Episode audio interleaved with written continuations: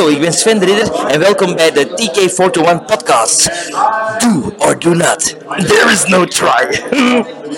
Hallo beste luisteraars en welkom bij een nieuwe uitzending van de TK421 podcast.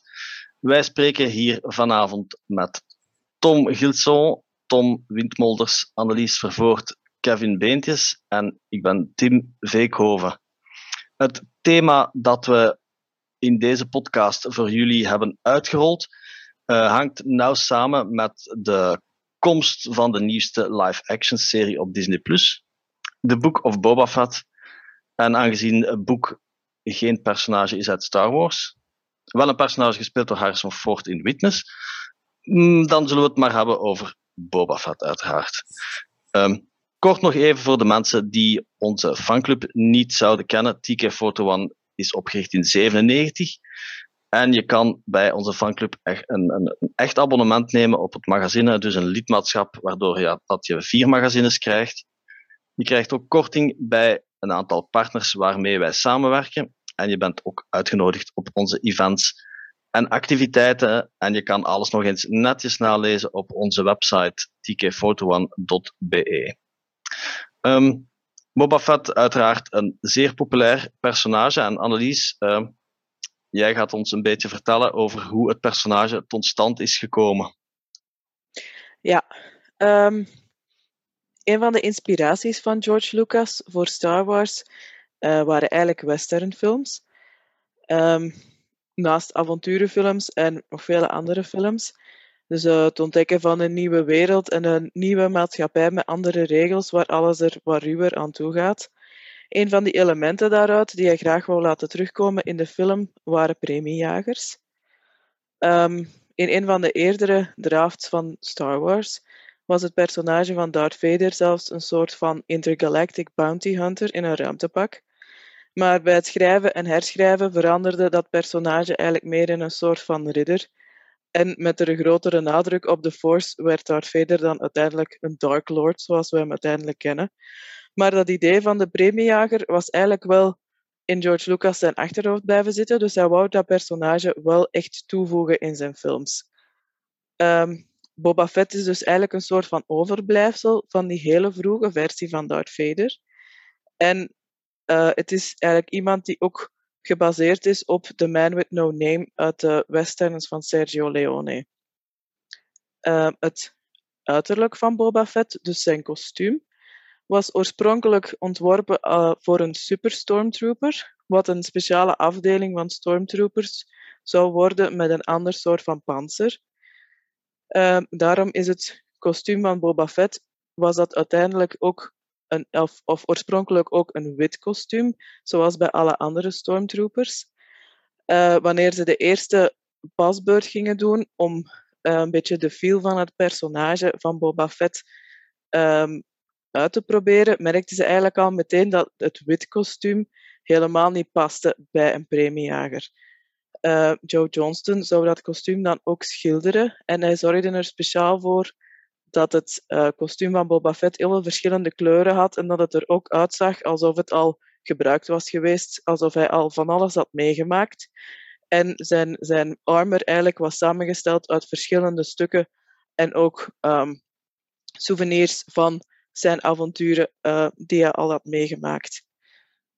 Uh, iets wat ook speciaal is aan Boba Fett is dat het personage eigenlijk al getoond werd aan het publiek voor die Empire Strikes Back uitkwam. Uh, dat was onder andere in september 1978 in de San Anselmo Parade. En natuurlijk ook in uh, november 1978 in de befaamde Holiday Special, waarin het personage aan het grote publiek werd voorgesteld met een uh, korte tekenfilm, die je ook kan terugvinden op Disney+. En er werden door Kenner ook al figuurtjes van Boba Fett gemaakt, omdat ze eigenlijk ook op zoek waren naar nieuwe figuren die ze konden maken en verkopen in de periode tussen de twee films. Dus het was een personage dat eigenlijk bij het publiek al redelijk bekend was voor de film uitkwam, waarin hij dan uiteindelijk zou verschijnen. Uh, hoewel dat dan in de film zelf uiteindelijk Boba Fett eigenlijk niet zo heel veel scènes had. Inderdaad. Hij heeft maar een, vijf of zestal zinnen. ik geloof dat totale screentime van zeven minuten aan of acht, begin acht minuten, meer is het niet. Ehm, we zullen eens even de, de tafel passeren en eens rondgaan met de vraag van ehm, wanneer hebben jullie eigenlijk Boba Fett uh, ontdekt en in hoeverre mate zijn jullie fan van hem? Tom? Oh, ik heb uh, Boba Fett ontdekt met, dat is al toch al, ik was denken, toch, ik was negen jaar als ik de eerste keer Return of the Jedi had gezien. En die had een paar scènes in uh, Palace, in Sail Barge. Dus dat was mijn eerste Star Wars film dat ik gezien heb eigenlijk. En ik vond het wel een cool personage. Op zich was ik er niet op het eerste moment uh, fan van, maar wel van Star Wars natuurlijk. En dan ben ik zo de andere films gaan beginnen kijken. En dan was dat nog met die, in die Empire Strikes Back met uh, Jeremy Bullock, de originele acteur van Boba Fett, en die ook de stem insprak. Dus dan was al, dan die aan meer scènes dan, en dan, dan was ik al meer fan geworden. Nu, in de Return of the Jedi heeft hem een uh, heel korte scène en wordt hem uh, stuntelig gedood, eigenlijk, vind ik toch. En in de, Scarlet, in de gegooid. Nu, ik ben eigenlijk fan geworden van het personage, uh, vooral in Extended Universe, waar dat hij uh, in verschillende comics verscheen, dat hij toch ontsnapte uit de Salakpit en verzorgd werd door, denk ik, als ik me niet vergis, door Dengar gevonden werd. Ja. In de Extended Universe. En dan is mijn uh, interesse wel gegroeid in uh, Boba Fett. Maar niet om te zeggen dat ik echt expliciet van was, maar ik vond het wel een leuke personage. En wel spijtig, dat ik wel spijtig vond dat er heel weinig scènes zat in de films. Um, ja, ik denk dat het bij mij een beetje hetzelfde is. Ik, heb, um, ik had vroeger ook niet zo'n grote affiniteit met het personage. Ik denk de eerste keer dat ik Boba Fett heb gezien, is uh, toen ik de Empire Strikes Back had gezien. Ik denk dat ik toen vijf of zes was. Ik heb die drie films in chronologische volgorde op VHS-cassette toen nog gezien, want dat was nog eind jaren negentig. Um, en Boba Fett viel mij toen ook niet meteen op. Het was een cool personage, het, uh, kostuum was heel cool, maar niet om te zeggen dat er veel rond was dat ik door geïnteresseerd was of zo. Ik was ook nog maar klein natuurlijk, dus daar um, herinner ik mij ook niet super veel van. Uh, ik denk de eerste keer dat hij mij vooral opviel en de populariteit van het personage is dan tijdens de prequels, vooral als dan in Attack of the Clones Boba Fett er is, maar wel als uh, kleine jongen, als kindje, um, dat er heel veel fans al waren van ja, Boba Fett, de backstory wordt er eindelijk uitgelegd voor het personage, van waar hij komt. En, en bij de originele films is daar niets van geweten. Ik, heb, ja, ik was ook nog te jong voor die boeken of zo te lezen, waar dat Dengar Boba Fett redt. Dus dat is bij mij ook allemaal gepasseerd. Um, maar ik heb vooral een interesse gekregen na Attack of the Clones en dan toen het personage werd uitgediept in Clone Wars en er meer mee werd gedaan, dat je Boba Fett soms zag en dan ja, hoe de relatie was met zijn vader en de andere uh, clones en de kadetten, of hoe dat je het ook uh, wil noemen. Uh, maar voor de rest, ik vind het een heel cool personage. Heel cool armor, maar niet om te zeggen dat ik een super, super fan was toen. En nu wel wat meer door de meerdere dingen dat ze met het personage hebben gedaan, maar niet niet enorm. Of het is geen top 3 personage, laat het zo zeggen. Ik ga uh, even inspringen uh, op hetgeen wat al gezegd is. Ah, Tom, Jeremy Bullock heeft, ga een klein correctie toevoegen. Jeremy Bullock heeft nooit de stem van Boba ingesproken. Nee, just, dat was nee. Jason Wingreen en dan zijn Ah. stem is dan uiteraard later vervangen door, door uh, Temuera Morrison. Ja, Uiteraard, Ah, oké. Ehm, Oké. Ja, hetgeen wat dat, eh, Tommy, die, die relatie van Boba Fett en Jango Fett en het feit dat hij dus voor de prequels terug is erop gehaald, is er Mhm. iemand van ons eh, die liever had gehad dat het mysterie rond Boba Fett bewaard was gebleven, want dat is ook wel iets vaak dat je hoort dan vooral van eh, eh, ja, mensen die vooral aanhanger zijn van de classics, die eh, liever hadden gewild eigenlijk dat het mysterie rond Boba Fett intact was gebleven en eh, ja, zijn er mensen die voor wie dat het prequel-verhaal en Boba Fett niet had gehoeven per se? Ik vind dat de, de prequel-verhaal wel een, een, een, grote aanvulling is op het personage van Boba Fett en zo, dat je Boba Fett leert beter kennen eigenlijk. Ja, ik vind dat, allee, ik snap wat dat, uh, wat dat er wordt bedoeld met het mysterie van Boba Fett. Dat is ja. wat dat Annelies zei. Hè? Mm -hmm. Die, uh, The Man with No Name, et cetera. Ja. Maar ik de denk gunslinger het, en zo, et cetera. Ja, de, de, ja, ja, ja. Maar ik denk wel, als we nu heel het parcours van Boba Fett bekijken, dat we toch moeten toegeven dat hij nu een veel complexer personage is geworden dan wat hij toen was. Voor de prequels eigenlijk. Inderdaad, en dat is eigenlijk zoals Lucas wou eigenlijk. Hè. Een beetje toch. Ik, ik vraag me ook wel heel hard af, hè, als, als ze nou niet Boba Fett in, in Attack of the Clones hadden gestopt, hè, als ze hele Jango Fett Boba Fett achterwege hadden gelaten, dan weet ik niet of Boba Fett nu zeg maar van dezelfde grootte was. Uh, want dan was het gewoon yet another character that died in Return of the Jedi and never came back. Mm-hmm. uh, behalve in de boeken dus. Uh, maar ja. Mm-hmm. Ja, die, zijn, zijn connectie met de clones heeft er natuurlijk ook toe bijgedragen dat hij ook door de prequel-fans dan is opgepikt ja. eigenlijk. Hè? Ja, en had natuurlijk in de Clone Wars serie ook best wel een rol hè, met de andere bounty hunters. Dus ja, ik vraag me af of zijn populariteit, zeg maar. Nee, ik, ik weet niet of het er iets had veranderd, maar ik heb wel het idee hè, dat het wel voor zorgde dat Boba Fett weer een beetje in de picture was. Ook bij, bij, hè, bij Lucasfilm. Uh, ongetwijfeld zouden ze hem voor de Mandalorian wel weer uit zijn gaf hebben getrokken. Mm-hmm. uh, ja. Maar weten jullie dat? Of, of de beslissing van George Lucas om uh, Boba Fett te laten terugkeren in de prequels, of dat eigenlijk ingegeven was door de populariteit van het personage? Of was dat iets dat, dat hij eigenlijk altijd al van plan was? Want Boba Fett was, daar to was toch sowieso al populair. Voor de prequels ook. Ja. Die link... Was hij zo populair? Ja, hij was heel populair. Oh. Maar ja, dat, die... daar heb ik me ook altijd over uh, verbaasd. Want, uh, nou ja, ik bedoel, ik, uh, voor mij was Boba Fett ook inderdaad gewoon die dude van die Empire Strikes Back VHS-band. En ik had geen idee toen ik acht jaar, wat, acht jaar was wat disintegrations waren. Ehm, ja. En eerlijk gezegd ben ik sowieso nooit een fan geweest van Boba Fett. Uh, eerlijk gezegd vond ik het altijd een beetje eh, overrated. Uh, maar ik ja, had sowieso. Ja. Mandalorians, ik, ik vond het altijd een beetje, nou, ik noem het altijd de Klingons van, uh, van Star Wars. Uh, omdat het zeg maar Mighty Warrior race. Uh, maar ze zijn te slap om zelf eens een, rommel op te ruimen. Wat natuurlijk in de Clone Wars redelijk goed uitbelicht werd. In de zin van, hebben jullie hulp nodig? Dus ja, dat vond ik altijd een beetje zwak.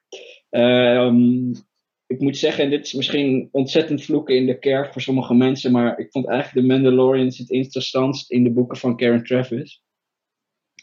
Uh, omdat je daar ja, toch een beetje Mandalorians op een andere manier leert, kennen. Uh, en natuurlijk, zeg maar, totaal verwijderd van de films hè, in, de periode van de Old Republic, Knights of the Old Republic en die comics daaromheen. Ja, dat is natuurlijk een compleet andere kaliber Mandalorians dan, uh, dan Boba Fett, die in uh, Sarlacc uh, tuimelt. Zonder enige nou ja, verdere rol in die hele film te hebben. Behalve dat hij nou ja, Han Solo vangt. ja, en eerlijk gezegd ben ik nog steeds niet echt een enorme fan van Boba Fett. Ik vind het wel heel leuk dat hij nu terug is. en maar dat zal voor een deel waarschijnlijk gewoon een soort nostalgiefactor zijn. Uh, het had werkelijk een ander personage geweest kunnen zijn. Uh, als, als, als ineens Sakkus in de Mandalorian had gekomen in plaats van Boba Fett, had ik het ook helemaal vet gevonden. Dus ja. Uh, Annelies. is een dubbeltje. Wil jij nog iets zeggen over um, hoe je Boba Fett hebt leren kennen?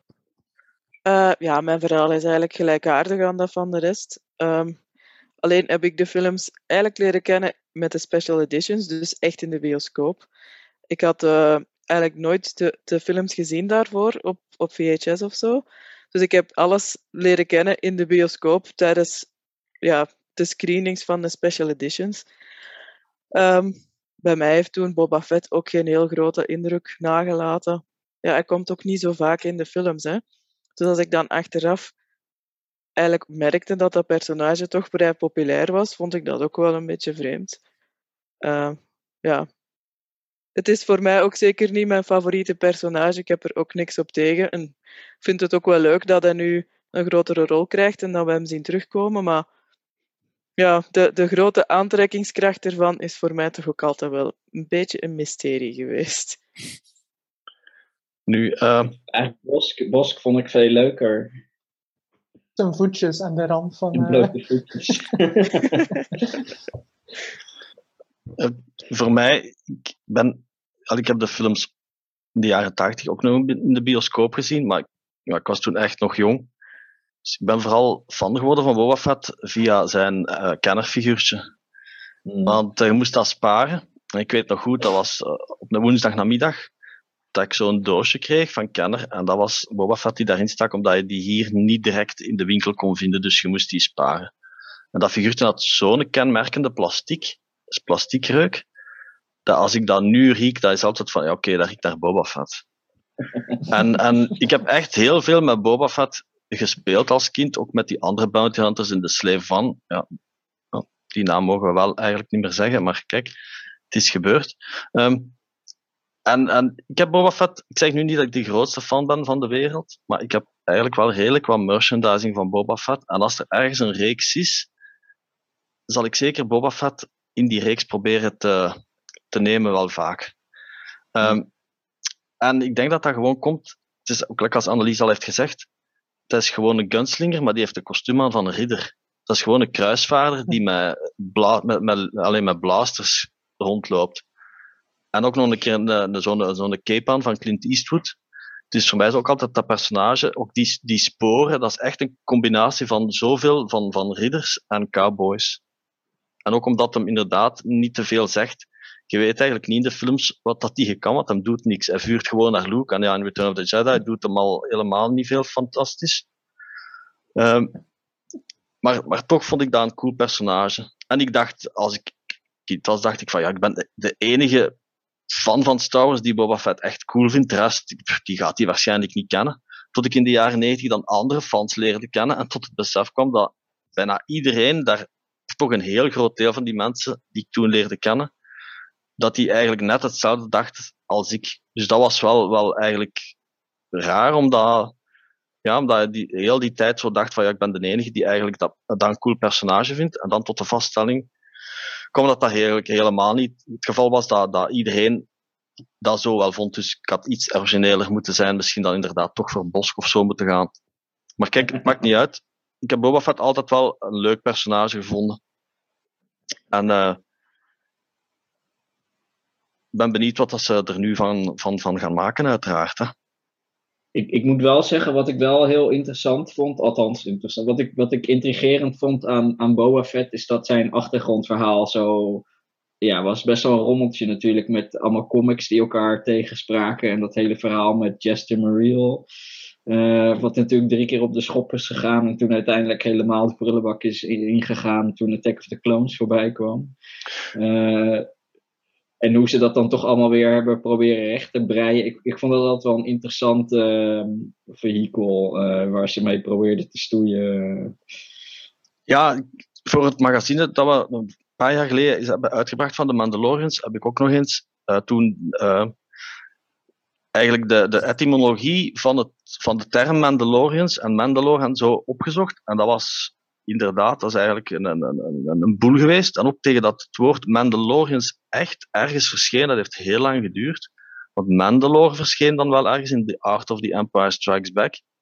Maar die connectie werd ook niet, niet direct gemaakt. Zelfs niet in de Star Wars sourcebook van West End Games uh, werd dat dan niet echt gemaakt.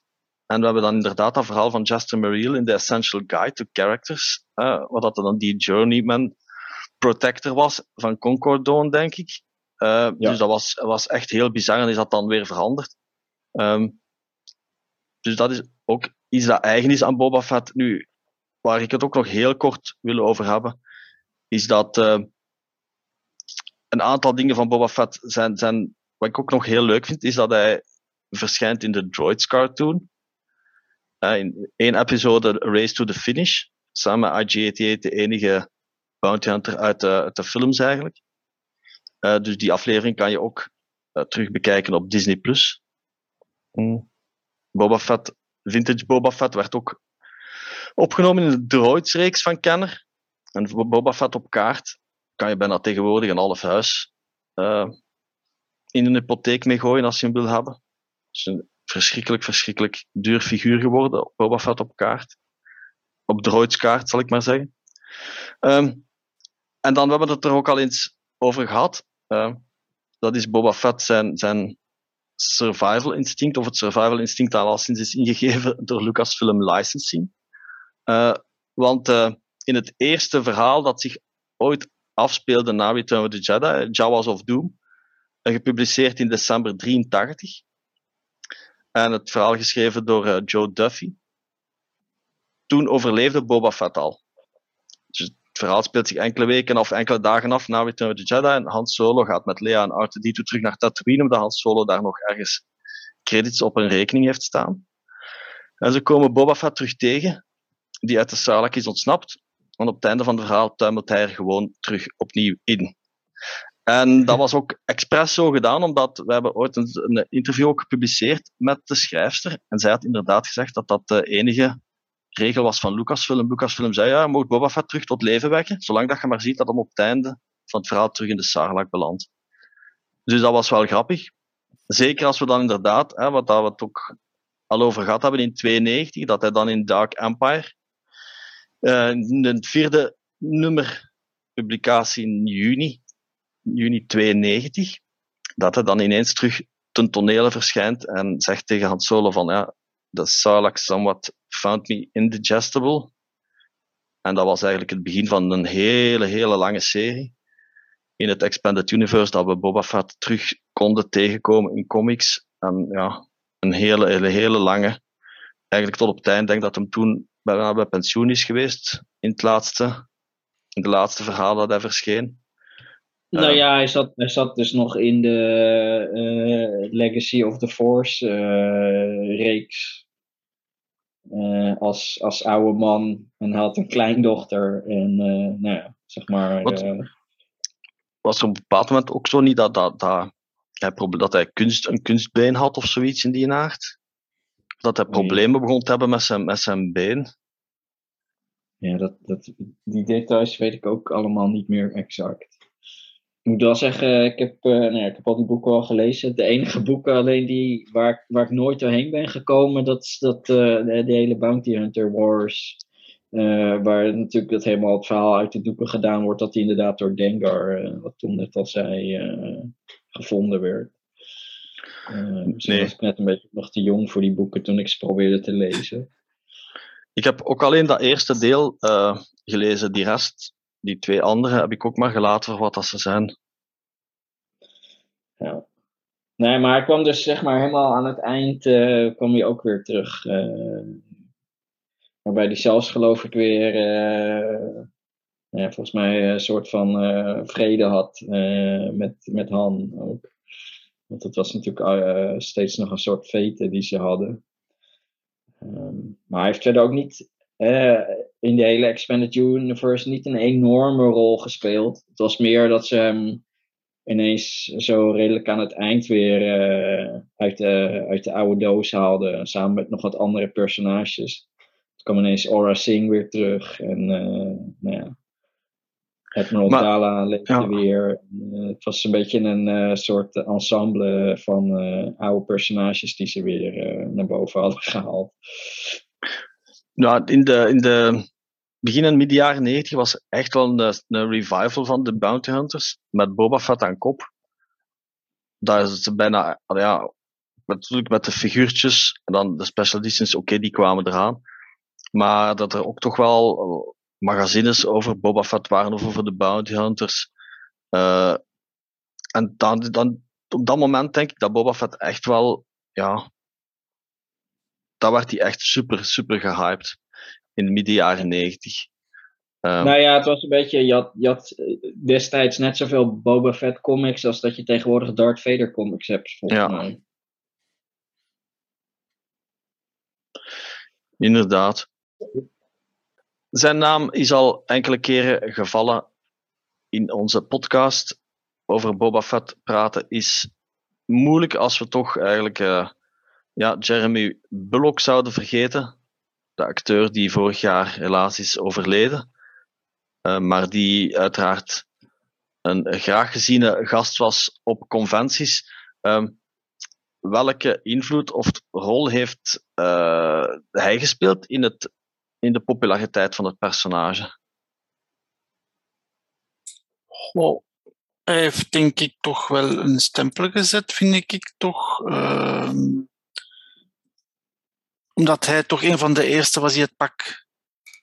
Buiten die stuntman, of was hij toch een van de eerste die dat pak droeg, geloof ik dat hij toch met zijn, allee, toch wel iets, iets speciaals had om zijn stempel te drukken voor het personage, dacht ik. Als ik niet verkeerd ben. Was hij ook niet een van de eerste mensen die zo echt met fans ontmoetingen deed en naar conventies ging? Hij en David Prose? Ja, in de jaren negentig. Dat was zo'n groep van the, the Man Behind the Mask of zo, geloof ik. Ja, ja inderdaad. En daar was hij bij. Kenny Baker ook, Peter Mayhew. Um, en ja, ik denk dat we allemaal wel Jeremy al eens hebben ontmoet vroeger, of toch veel, veel uh, fans.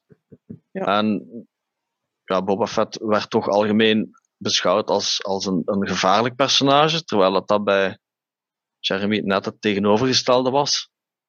Uh, hij was altijd heel, heel vriendelijk voor de fans. kon hem altijd eens vragen voor eens iets extra te doen, iets in te spreken of te poseren of zo. Uh, dus ik denk dat dat ook wel zeker heeft bijgedragen tot de populariteit van het personage. Omdat hij zelf zo, zo, ja, zo vriendelijk was en zo uh, ja, approachable was eigenlijk. Ik heb de man nooit niet ontmoet. Wel veel gezien, maar nooit niet uh, persoonlijk ontmoet. Ik, ik heb, hem gezien op London Film en Comic Con. Um, wanneer was dat? 2018, denk ik. Ik denk dat dat toen ook een van zijn laatste conventies was. Hij was toen ook al ja, wat ouder natuurlijk. En je zag ook wel dat hij fysiek toch niet meer zo heel goed was. Uh, maar je kon toen ook wel aan iedereen merken dat op die conventie rondliep dat die man echt wel op handen gedragen werd. Er kwamen heel veel mensen naartoe, er heel veel, werd heel veel met gebabbeld. En ik herinner me ook wel ook nog dat we stonden te wachten voor een fotoshoot voor iemand anders. En dat het ook net zijn beurt was. Dus dat hij naar een van de andere kamertjes ging om een fotoshoot te doen. En uh, iedereen is toen echt beginnen applaudisseren en, en roepen van ja, Boba Fett, Boba Fett. En hij had dan ook het, het kostuum aan, hij had de helm niet op, maar hij had, het, had die wel bij. En uh, het publiek reageerde daar toen echt heel, heel enthousiast op. Dus uh, ja, was echt een heel graag geziene persoon. Ja, want ik zeg het, als je dat kostuum nog een keer wilt aandoen, eigenlijk voor de fans, ja, dan moet je bijna een vijslos hebben in de, in de positieve aard, want dat kostuum is denk ik niet plezant om aan te trekken.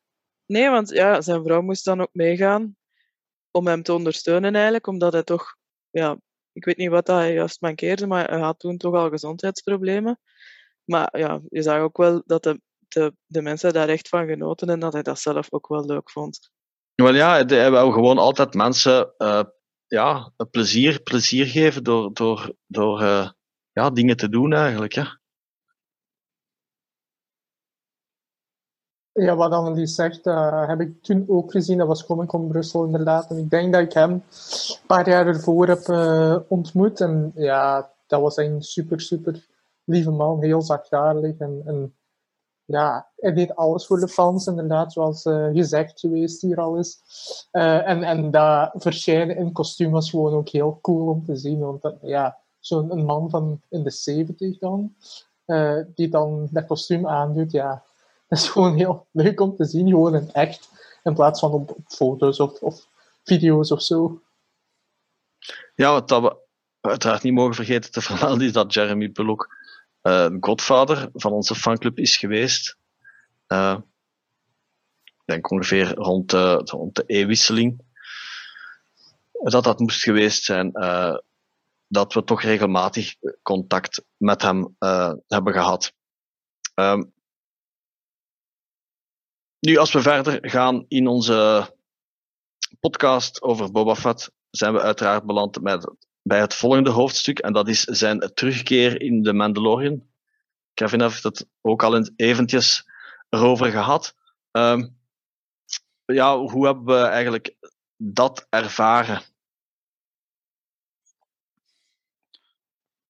Nou ja, wat ik al zei, ik uh, vond het wel grappig dat hij terugkwam. Uh, het was natuurlijk. Zat hij, was, was het nou al dat hij in de eerste aflevering of zo al. Het was vrij in het begin dat je hem zo ergens van achter. Ja, vijf, aflevering 5. Aflevering 5. Eind van, eind van de eerste aflevering aan de achterkant van hem met die. Ja, in van seizoen 2, denk ik. Ja, in chapter 9. En als Tom zei, ja, in aflevering 5 zit hij ook al, maar dat waren we nog niet zeker. Ja, we waren nog niet 100% zeker, maar het was wel ja. speculaties dat er maar was. Inderdaad, maar ja, eh, in de eerste aflevering van seizoen 2, ja, dan maakt hij wel een bombastische intrede natuurlijk. Uh, maar dat hem eigenlijk wel een beetje, allee, toch wel meer doet dan dat we van hem gezien hebben ooit. ja, hij had meer actie in die ja. van de Mandalorian dan dat hij in de hele film Ja, zeker. Ik denk, uh, dat was de aflevering die geregisseerd was door Robert Rodriguez waarschijnlijk. Ja, de eerste keer dat hij echt klopt. een actie was toen, allee, daarvoor had ik een beetje mijn twijfels om dat personage terug te brengen. Dat ik dacht van, ja, ja, wat gaan ze nu daar weer mee doen en dat weer oprakelen. Maar die aflevering had het wel bevestigd van, damn, Ja. hier kunnen ze echt wel iets heel cool mee doen. En ja, Ja. dat was eigenlijk een Boba Fett die je wou zien. Ja, Die de mensen Voilà. precies in hun gedachten hadden toen ze Empire Strikes Ja. Back en Return of Jedi hadden gezien. Van, Mhm. Wat een cool personage. Maar je snapt het zelf niet en dan nu de Mandalorian, oké, I get it. Ja.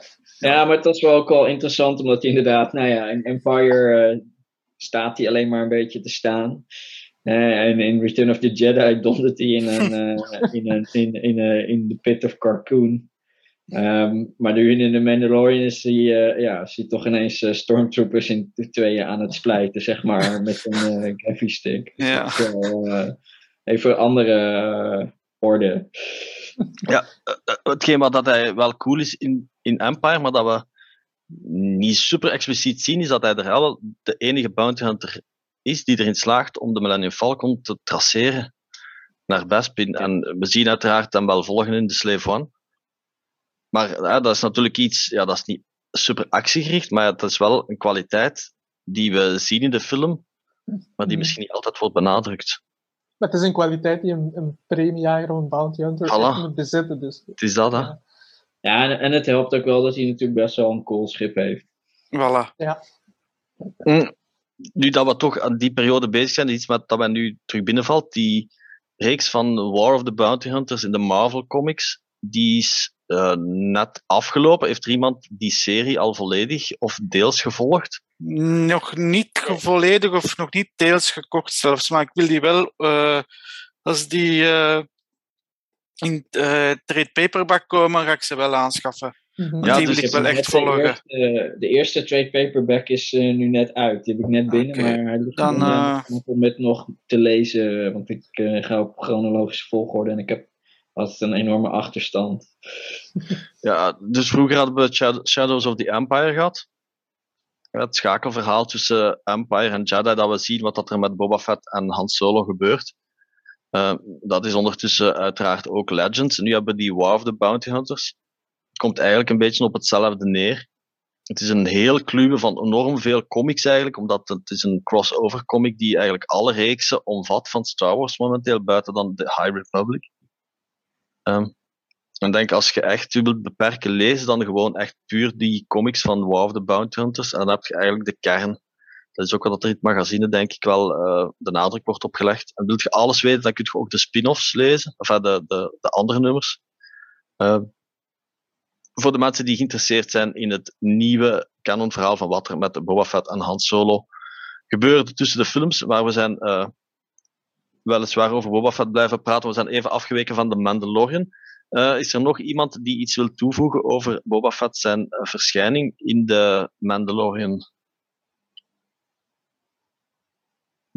Hetgeen wat ik, wat, wat ik nog uh, me wel geen vragen bij heb gesteld, maar dat mij toch opviel is dat als we Boba Fett in de film zien, we weten allemaal dat hij een bounty hunter is en dat hij natuurlijk uh, ja, een bepaalde code volgt. Maar hij wordt toch algemeen beschouwd als een, als een bad guy. Maar in ja, de Mandalorian... dat, dat, gevoel, dat gevoel heb ik niet. Voilà, de Mandalorian... Guy, dat, voel, dat gevoel heb ik niet dat hem zo'n ultieme bad guy niet meer... Allee, dat hem zo... Een, een, een, ja, het is een ander gevoel dat ik heb van hem. Uh... Boba Fett is, is zo'n beetje... Ja, in de Mandalorian... Hij helpt dan Din Djarin met Grogu. Ja. Uh, hij helpt eigenlijk... Ja, hij helpt iemand van de omdat dood dan, eigenlijk.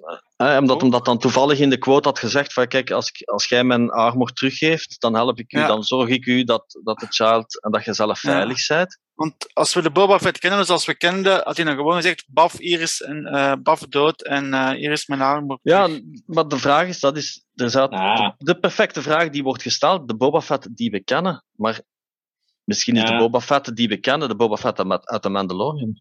Maar Boba Fett is een premiejager, hè? Ik denk dat je die ook niet per se als echt goed of slecht kan zien, maar dat zijn gewoon personages die alleen uitstaan op hun eigen, eigen geldgewin en, en mhm. eigen vooruitgang.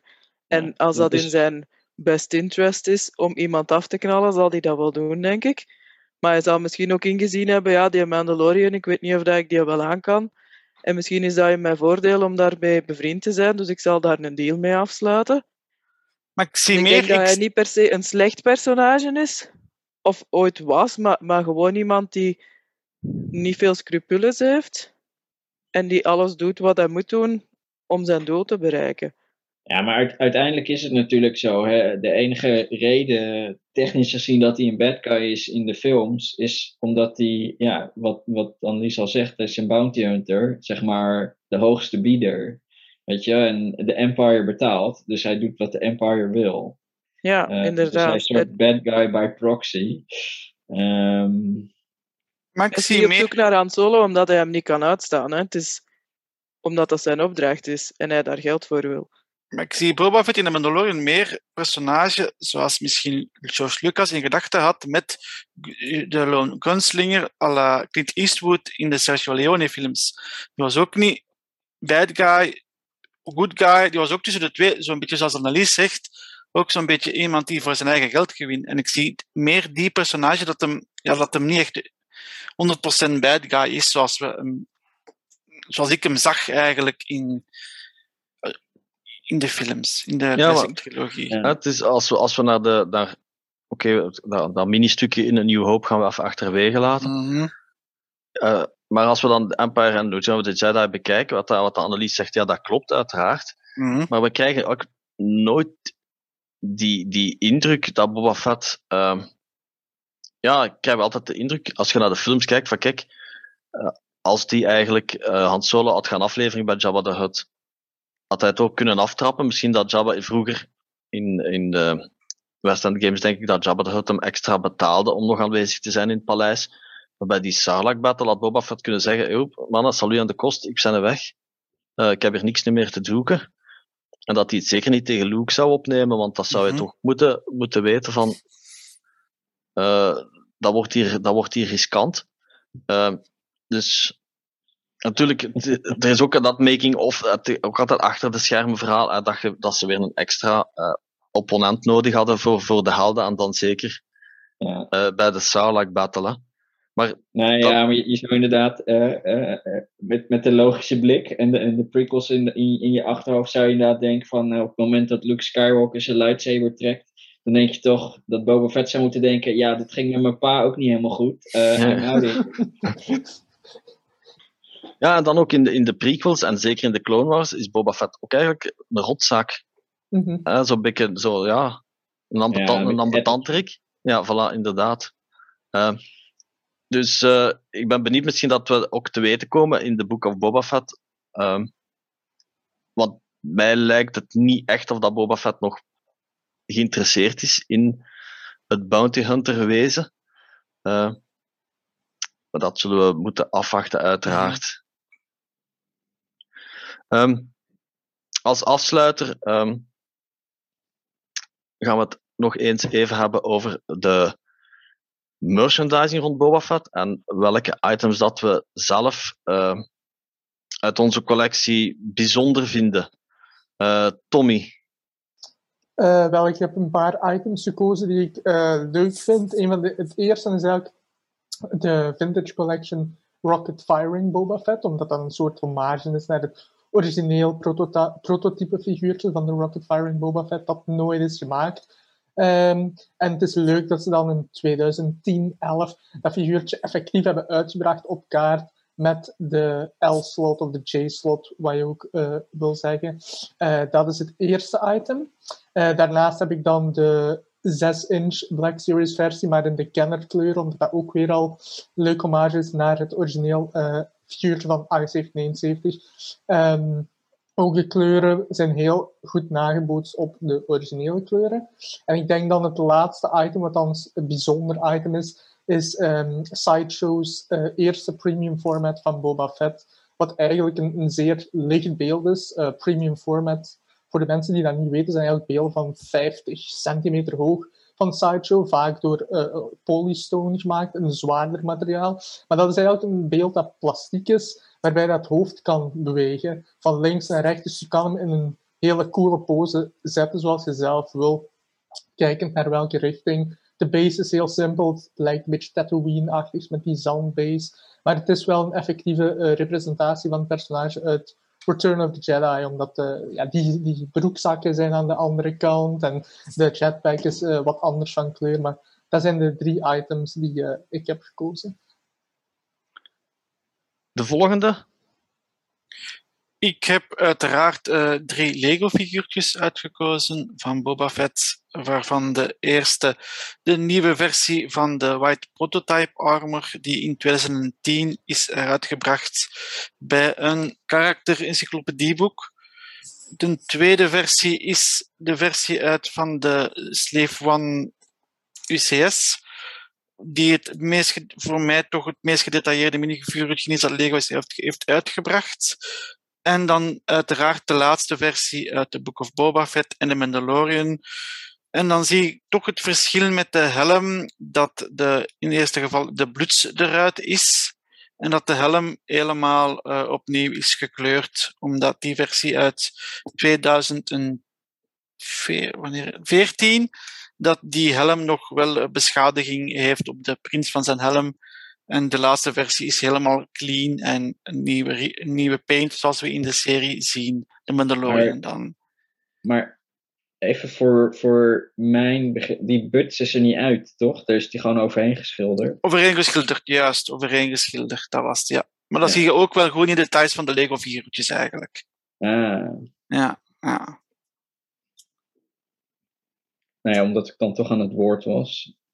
Uh, ik weet niet of ik echt drie, maar ik kan wel drie dingen bedenken, uh, waarvan nou ja, twee ongetwijfeld action figures zijn.